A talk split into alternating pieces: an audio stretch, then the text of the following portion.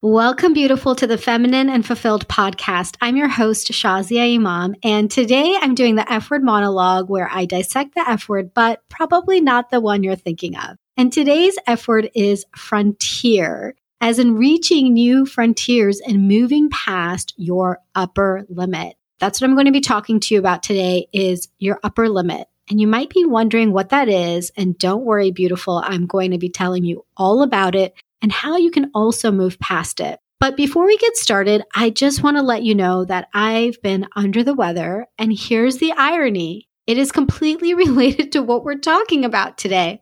But I want to put it out there because I know that my voice might sound like a 900 number or it just might be sounding bad. I'm not really sure how it's sounding to you. But if I sound different today, it's because I have been sick for, gosh, over a week now. And I'm not sure when it's going to get better. And in case you're really worried, don't be worried. It's a common cold. But for me, when I get a common cold, which doesn't happen often, I actually don't get sick that often. When I do, it likes to really come with a vengeance. So I'm not surprised by how long it's been, but I'm totally receiving any good healing jujus, thoughts, prayers that you want to send over right now. In any case, I am still moving forward with the episode, and it's just really hilarious as I share today's episode how me being sick is actually me hitting my own upper limit. So let's start with talking about what is an upper limit. So, an upper limit is an energetic limit that every single person has in what they believe is possible in their life. So, for example, you may have an upper limit of it's okay to be successful in my career, but that means I can't have love. That's actually a story that I held for a really long time. I believed I could be successful in all areas of my life, but my love life was always going to be mediocre. And I just believed that. And I would look at things that supported that because we also look to things to fill our confirmation bias. And confirmation bias is looking for evidence and other things to really support what it is you already believe. So, ironically, we have upper limits energetically, but we support them literally by looking for evidence that supports that. And a really big one is with women and romantic relationships there is even a societal bias that somehow will equate a very successful woman with not having love. I believe that those barriers are being broken now, and it's absolutely not true, but it's a very interesting phenomenon that many people believe, and I had myself too for a very long time in my life. And so my upper limit would show up in that way where I really didn't have real love until I moved past my upper limit problem and I realized, okay, my upper limit is preventing me from really having the kind of relationship that I would like to have in my life. But for so long, I would rationalize it away. And we'll talk more in this episode of how it manifests. But right now, I want you to understand what the upper limit looks like. On the flip side, people might have a really good family structure. They might be in a decent relationship, they may have a family, and they may be struggling, let's say, financially. I see women in this boat many, many times where they have the relationships in place, but they may not have the money or they may not have the success with what they're capable of. And they also have created their own upper limit. They have decided subconsciously that I can only have one, but not the other. Again, as a society, we hear phrases like, well, you can't have it all. And so when you're constantly hearing, well, you can't have it all, it creates a subconscious belief that you can't have it all. But whoever said you can't have it all? Where did that idea actually originate from? And I've noticed that people of faith use this one quite often. And when I actually look deeper into faith and spirituality, God never said that you can't have it all. In fact, one of the prayers that I make many, many times, and many Muslims make often, and could be spread across many faiths, is asking and praying for the best in this life and the best in the next life. So, this prayer that we're making is about having the best in this life. And I just want to touch on that because I know that somebody might be listening right now thinking, well, no, we're supposed to be tested and life is supposed to be hard. And I just don't subscribe to that anymore. I don't. It's not to say that circumstances won't happen in your life, but let's take a look at things in a new way because some things will happen based on circumstance, but some things are self created. Self created. And I want you to hear that even if you're getting triggered. Like, are you saying, Shazia, that I'm creating my own problems? Yeah, maybe. You might be. And here's the thing if you're the one creating your own problems, then you can also be the one to resolve them. So there's a great book called The Big Leap by Gay Hendricks. And this is what today's episode is based on. He's the one who came up with this term, the upper limit. And he goes into how the upper limit manifests in your life and how you can move past it. And I'd love to basically do a Cliff Notes version for you today because I don't want you to hold back anymore. I don't want you to hold on to these stories of, well, it's just meant to be, or I can't have it all, or it's too good to be true. I want you to let go of those stories and actually be in the possibility of your life. Because when you make this shift and you realize that you no longer have to be limited, then you can go into a paradigm of limitlessness and infinite possibility, which again, circling it back to faith, if we believe that our creator is the infinite and limitless, then how can we not believe that anything is possible? So the only thing right now that is holding you back is your upper limit. So the upper limit, some questions to ask yourself to really figure out what is my upper limit is how much love and abundance and goodness am I willing to allow? Ask yourself this question honestly.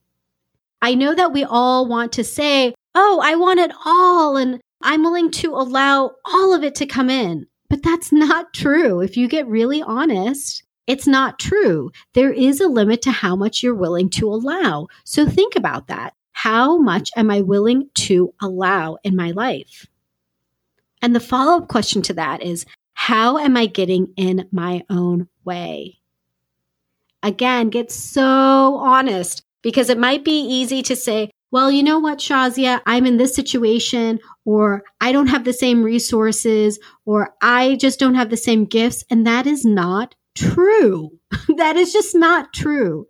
Just because you don't have the same thing as somebody else doesn't mean that you are any less apt to be in your full possibility. That's a story that when you let it go, you'll be able to see that, in fact, no, you don't have the gift that somebody else has, but you have your own gift. So start with these two questions and just think about how it's manifesting in your life. How is the upper limit showing up in your life? Because it exists. And why does it exist? Why does everybody have an upper limit? And this stems all the way from the person who is collecting the trash every week from the street all the way up to the most successful person in the world. So the president or Oprah or any person that you can think of that you might think is super successful. Everyone in between and them has an upper limit. And there's four reasons that we have upper limits. The first is that we believe that we're fundamentally flawed, that there's something wrong with us. This is a conversation I don't even think I need to talk about because you know it so well. I know it so well that there's something inherently wrong with who I am. And so there's no way that I can have the success coming into my life. And this conversation, as much as you even know theoretically that it's not true, it's one that absolutely shows up over and over and over again that there's just something wrong with me. Who am I? I'm nobody special. Those conversations are the first reason that you experience an upper limit. The second one is a fear of disloyalty and abandonment. So, have you ever thought to yourself, oh my gosh, if I got this thing that I wanted, what if I was left all alone? Or what if I was no longer loyal to the people that have loved me up until now? This feeling in particular, this second feeling, has been something I really struggle with. One of the things that has held me back from really stepping into my vision for a long time, and even to this day, is because I worry that I'll end up alone. I have this upper limit. I have this fear that has created this upper limit of don't be too successful because you could end up alone. And that's a scary feeling because as humans, we have been created to be in community. And the thought of being alone is like death. So that's the second thing that's causing the upper limit or the barrier for you to move forward. The third barrier is that there's a belief that more success brings burden. Again, there's so many things that support this particular barrier from society because how many times have you seen somebody become successful and then somebody shares a story about something bad that happened or, oh my gosh, well, you know, they got all this money, but then they got a divorce. Well, here's the thing. They might have struggled with an upper limit problem, or maybe they're not related, or maybe even if they are related, why are we using our confirmation bias to confirm that success brings more burden? That as we become more successful, something bad is going to happen.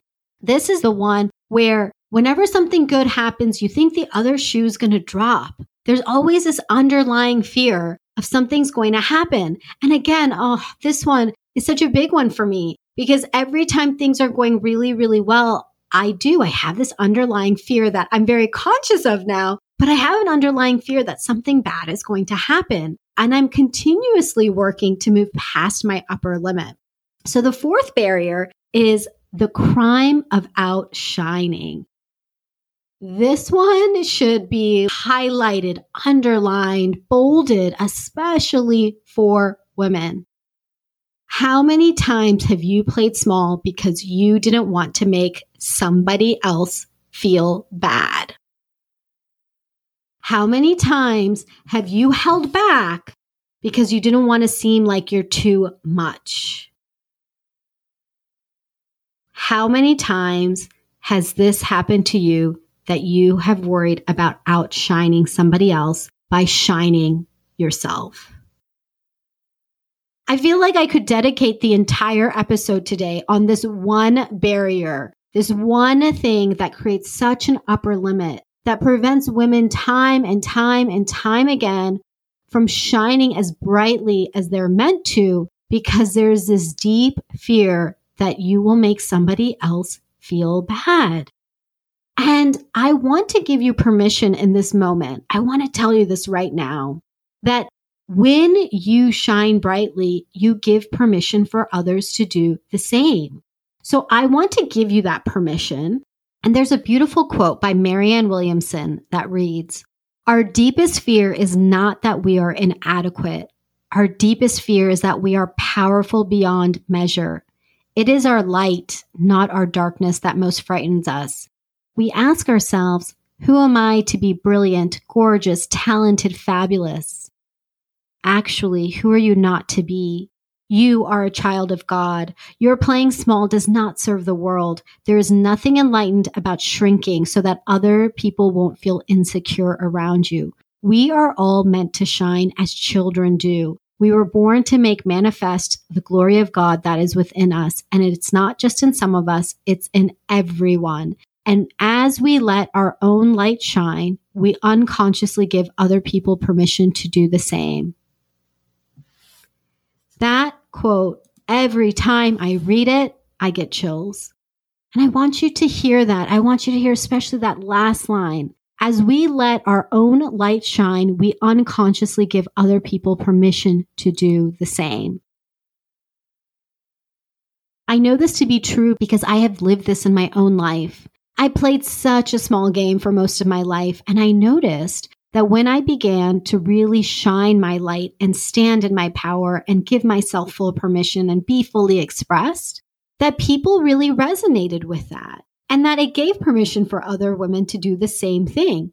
Even men. I won't even say just women. And I found it to be so fascinating that the more I am me, the more I play my biggest game, the more others do the same thing. And that lights me up and that lights them up. In fact, I have felt so much better shining bright than when I didn't because it's created this energy around me to be me and then for others to do the same. And this has been me moving past my upper limit because my upper limit used to be at a much lower place. I didn't want to share all the things I knew. I didn't want to speak boldly. I didn't want to make anybody else feel inferior. And I would dumb myself down and I would just not share things to celebrate or share good things or be out there because I was so afraid of what somebody else would think about themselves. But that assumption I was making about somebody else was not fair to myself or to them in any way.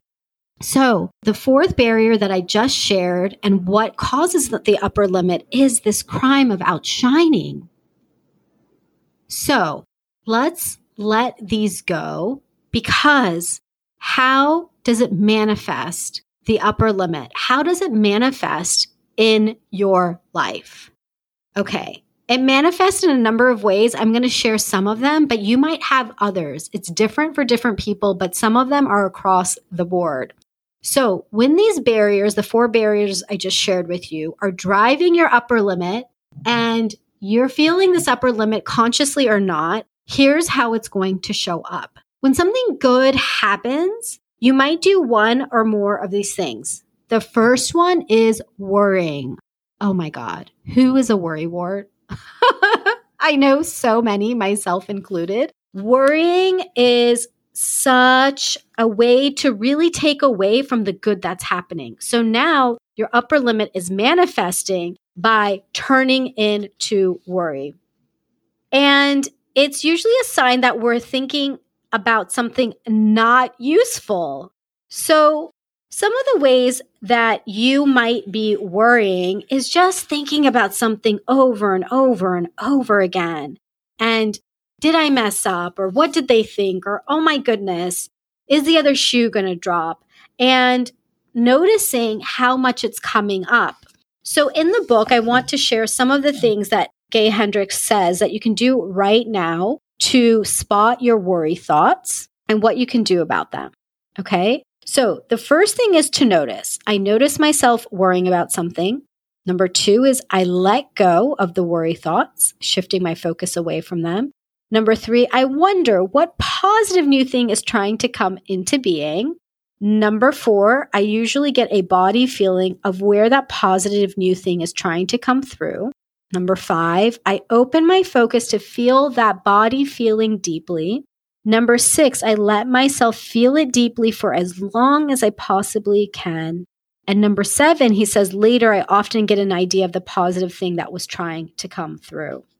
So notice that most of that was not focusing on the worrying. Even though worrying wants us to like use all of our space and mental energy for worrying, actually when we can notice the worrying and let go of the thoughts related to the worry and actually go underneath about what's trying to come through, that's the power of moving past your upper limit. So, I want you to just hear right now that I'm sharing how does it show up? Because it shows up in many ways. The worry makes us think something bad is going to happen and then something bad can happen. So for example, Another way that the upper limit manifests is when we get sick or hurt. So remember at the beginning of the episode, I said, I'm feeling sick and it's ironic because I'm doing this episode today. And it is so ironic because I haven't been sick in a very long time. And this year has been phenomenal for me. You and I, we celebrated 100 episodes together. That was amazing. My business has done the best it's ever done. I feel really bold. I've been showing up consistently. I feel like I'm at this next level. If you listen to my episode 100, I shared about how I feel like there was literally a new like dimension that opened up. If you understand energy, I don't understand it that much, as much as some others do, but I just had this feeling where this new dimension opened up and we all up leveled. So I've been in this place of immense growth and belief and feeling. Even when I don't completely understand, just knowing that all of us, we've moved up. So all of this came, and then all of a sudden, I got sick. And now that I've been sick, I've been really drained. I have not been able to be in my good mojo like I was. I've been now in a place of feeling tired. I can't do the same things. And now I'm starting to question myself. So here it is. It's showing up again. For me, my upper limit showed up in my illness. Everything was going good. Oh, and I didn't even include about my husband. Things were going great with my husband. They were going great with friends, with my husband, where I'm living, business, life, energy, everything. I was working out and feeling good. And then all of a sudden now, so many things have been put on pause. Now, you might be thinking, well, Shazia, maybe you just got sick because it's the season. Sure. But I know that oftentimes sickness is a manifestation of something internal. And I do believe that this is a part of my upper limit showing up, rearing its ugly head. And while my upper limit has definitely increased since what it used to be, I mean, literally, we talk about the glass ceiling at work, but let's just think about having a ceiling of an upper limit that we each have. My ceiling has moved up further and further and further, and yours will too but I still have an upper limit. And it's like I butted up against that and then I got sick. So think about in your life too. Where has this happened? Where have you, like everything's going really, really well and then boom, you get sick or you get hurt. It's something to pay attention to and notice. So another way that your upper limit manifests is through squabbling, through fights and arguments. This is also one I deal with a lot. I've gotten a lot better on. But I noticed that when things would be going really well, I would then get into an argument with my husband, and it would be the strangest thing. And I realized that this form of self sabotage was not serving me. So we can also think of our upper limit as when we butt up against it, we self sabotage. So whether it's getting into an argument with somebody that we care about, getting sick, being filled with worry, like everything's going good. And now all of a sudden, like you're sitting in worry and anxiety. It shows up in so many ways. It can also show up and manifest in the way that we will deflect good things. And beautiful, you know my philosophy on saying good things about yourself and receiving compliments.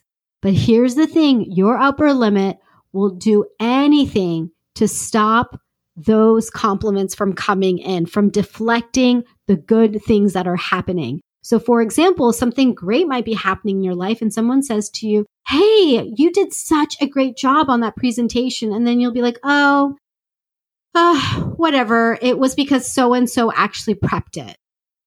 You know, you'll find something to deflect it on, or it was okay. I mean, I could have done better.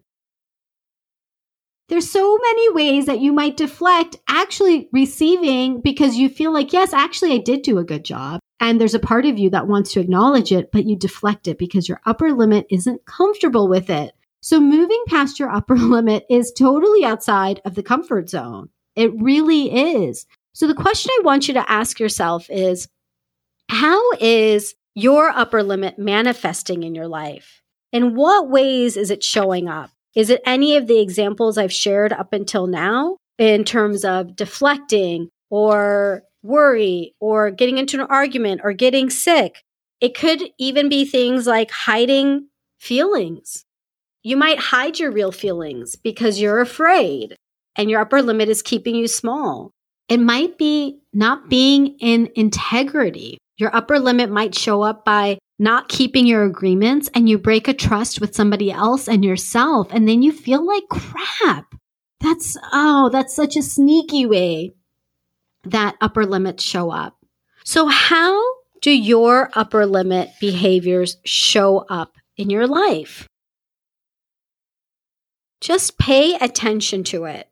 There's no judgment. There's never any judgment. It's just about an understanding and a consciousness and an awareness.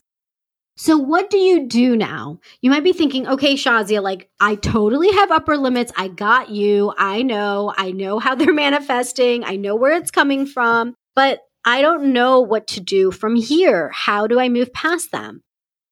Okay. Moving past them is actually fairly simple, but it's radical because, again, your upper limit doesn't want to think about things in this way. So, the way that Gay Hendricks breaks it down is that everybody has four zones in their life. And the first zone is the zone of incompetence. So, the zone of incompetence is basically when you're doing things that you're just not good at. It's not that you're incompetent, it's just that you're not good at it. But you might be spending too much time doing something that really doesn't matter, or you could probably hire somebody else to do. For example, laundry. I would love to hire somebody to do my laundry. I should put that as an action item right now. But that's probably my zone of incompetence. And yet I'm doing it. I'm doing it. And we are going to do things that we have to do, of course. But I want you to get honest here. Your zone of incompetence, if it's more worth your time to do something else, then is it worth it to be doing things that you're just not good at? So when I'm sharing these zones with you, everybody has these four zones. So it's about getting clear on them. So the first zone is that zone of incompetence. Now, the second zone is that the zone of competence is a second zone. And this is where you're good at the thing, but it doesn't really add any value. It's not adding value to your life or to somebody else's. So we'll just use laundry again, because maybe you're good at laundry, but is it bringing value for you to do it? Now, in a more professional example, a more professional example, if laundry doesn't resonate with you, although I think laundry resonates with all of us. But another example is that you might be in a job or you might be working on a project that you're good at, you can do it, but somebody else could do it and actually really enjoy it. It's like you're fine at it and it doesn't bring you anything, but you're doing it. So think about what that thing is in your life because everybody has that. And a lot of people live in the zone of competence. Now, the third zone is where most people live, which is the zone of excellence. So the zone of excellence is the things that you're actually really, really, really good at. Like this is what people come to you for. So the zone of competence is like you can do it, but people probably wouldn't come to you for it. I know for me, my zone of competence is cooking. My zone of competence is cooking because I can cook, but nobody's going to be coming over to eat one of my meals. And somebody else would do it so much better, so much better. Now, the zone of excellence is what you do really well. So, for example, if you listen to my episode with Sarah Hosford, she's a chef and her zone of excellence is cooking fabulous meals and she teaches people how to cook and she just really understands the kitchen inside and out. And so that is where she really excels. So think about where do you excel? What are you really good at? And these are the things you might be highly organized. You might be a great people person. You might be that person who's always the steady rock. You could be the one who is just like a powerhouse at work and what you're doing.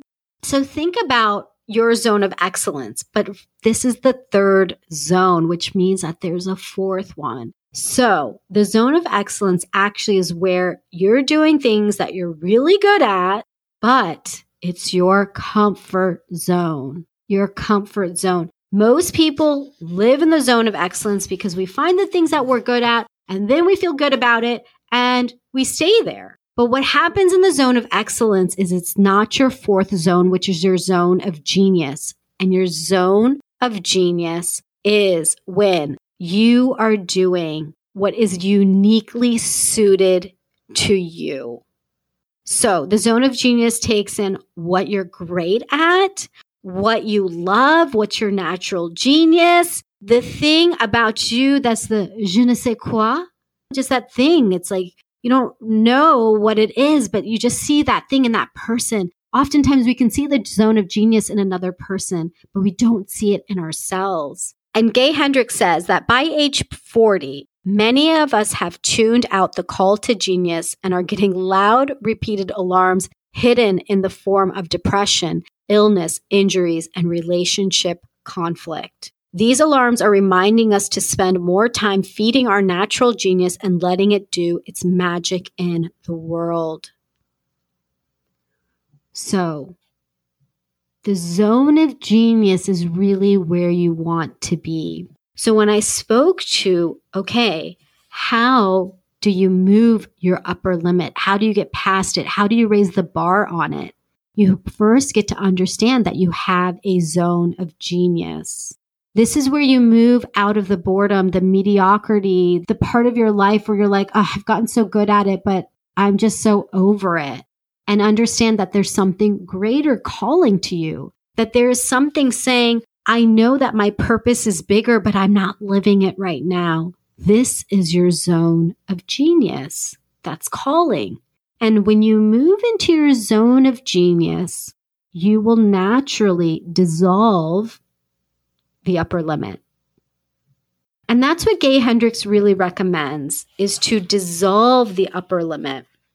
And I, I love that he used that word because it's not about fixing something. It's about just dissolving what's not working for you, the untruths in your life, the behaviors that are not supporting you, even though they keep showing up, even though the self sabotage keeps showing up. What would it be like to dissolve that and then move into your zone of genius? So, Again, I'm going to give you the steps that he shared. I'm promising to give you guys basically like the best Cliff Notes version of this book.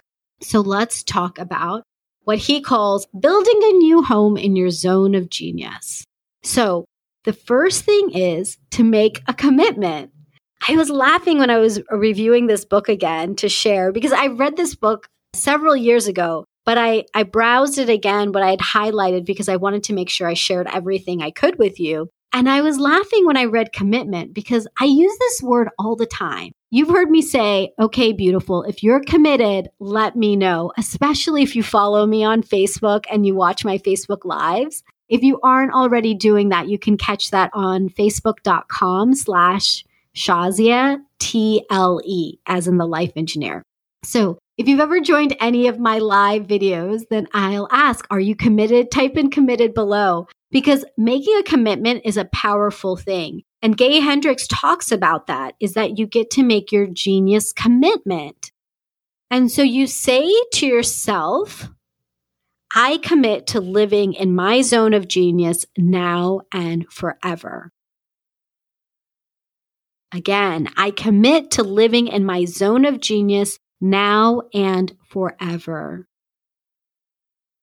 Such a simple statement and yet so profound. When we make commitments, regardless of whether we know the how, when we make a commitment, the how will manifest. Because up until now, if you are struggling with your upper limit, you've been manifesting the upper limit over and over and over again very well. I know I have. But when I make this commitment to living in my zone of genius now and forever, what I'm putting out there energetically is that I'm committed. I'm committed to not living in the stories that are limiting me or the barriers that are stopping me or the behaviors that are causing my upper limit to just show up over and over and over again. So that's the very first thing. It's so simple. Make a commitment. Make a commitment to be in your zone of genius. Once you've done that, here are four questions that Gay Hendricks says to answer so that you can get clarity on your zone of genius. Because I can already hear you saying, Shazia, I don't know my zone of genius. That's the whole thing. Don't worry, I've got you covered. So, here are the four questions to ask to really get to your zone of genius. The first is, What do I most love to do? And just think about what you love to do so much that you'll do it for long stretches of time without getting tired or bored. So just think about that. And this is going to help you distinguish between your zone of excellence and your zone of genius. Because you might be really good at something, but if you do it for a long time, like you, you get tired or bored, that's not your zone of genius. Your zone of genius is you love to do it no matter what. Like You'll put things aside. You would do it for free. You would do it anytime. Like, what is that? What do I love to do? And it might just be one thing. It doesn't have to be a multitude of things. But what is that thing? So that's the first question. The second question is what work do I do that doesn't seem like work? So I can do it all day long without ever feeling tired or bored. So, very similar to the first question, but maybe different because one is related to what you love to do, and the second one is what work doesn't seem like work. So, get clear on that. The third question is what produces the highest ratio of abundance and satisfaction to the amount of time spent? So even if I only do 10 seconds or a few minutes of something, or have an idea or a deeper connection that may spring forth, what is that thing that leads to huge value? So again, think fresh. Don't think about like, okay, if I do some massive project, it has this massive value. No, sometimes the simplest idea can have a huge, huge result. It can be very valuable to somebody else. But for you, it just took a moment. So think about what is that thing? And then the last question is what is my unique ability? There's a special skill I'm gifted with. This unique ability, fully realized and put to work, can provide enormous benefits to me and anyone I serve. So think about that. Remember, I said that you have a gift you might look to somebody else and think, I don't have the gifts they have. And that's true because you're not them. You have your own gifts. So, what is your unique ability? And go all out here. Don't hold back. There's nothing here that's telling you to be humble. The whole point here is for you to find your zone of genius, and your zone of genius will not be like anybody else's. And that is what you also have to let go is thinking, well, I haven't seen that. So how do I know it's possible? It's possible because you were created uniquely and now it's time to accept that and find your zone of genius so you can be out there in the world living in your zone of genius. So, what he recommends after you've come to this point is that you live in your zone of genius. You live in this place that is out of the box and outside of your comfort zone and you start living your life in a new way because he gives examples and so many stories in this book of different people who there was one story he shared where somebody had come to talk to him Gay Hendricks even shared that man's zone of genius, and the man said, Well, I don't have time right now. I'll think about it. And then that was the last conversation they ever had because a few weeks later, that man died of a heart attack. This was a healthy, young person who died of a heart attack. So he talks about how the time is now to live in your zone of genius. There's no waiting. There's not like when everything is working out. It's that when you live in your zone of genius, when you go all in and you allow yourself to be in that place, then you can move past your upper limit problem. You can dissolve your upper limit problem and you can then begin to see so much abundance and success and everything coming into your life it will come rushing to you. So it's a fabulous book. Today's episode was all about this book, The Big Leap by Gay Hendricks. I highly recommend it if you like to read, but at a minimum, what I've shared on today's episode is the Cliff Notes version and going to really get you started on moving past your upper limit. So as always, all the resources I mentioned in today's episode can be found on the show notes at thelifeengineer.com slash podcast slash frontier, F R O N T I E R. And I would love to hear what came up for you. You can always reach out to me at thelifeengineer.com slash contact and share with me what was your biggest aha today, because this is a big deal. What's your biggest aha in moving past your upper limit? Because you absolutely get too beautiful. And until next time, Lilas, love you like a sister. Oh, and one last thing before I forget, I wanted to give you a really special gift because how could I not? I actually have a list of my favorite things that make me feel feminine and fulfilled. And I would love for you to have it so that you can grab whatever you want from the list. So if you want to see my list of my favorite things, go to thelifeengineer.com slash favorite and it is a full list of all of the things that I love and all the links for you to grab them. So that's thelifeengineer.com slash favorite. And I just had to give you a gift, beautiful, because you deserve a fabulous gift. And why not all of the most favorite things to make you feel feminine and fulfilled? Okay. Love you.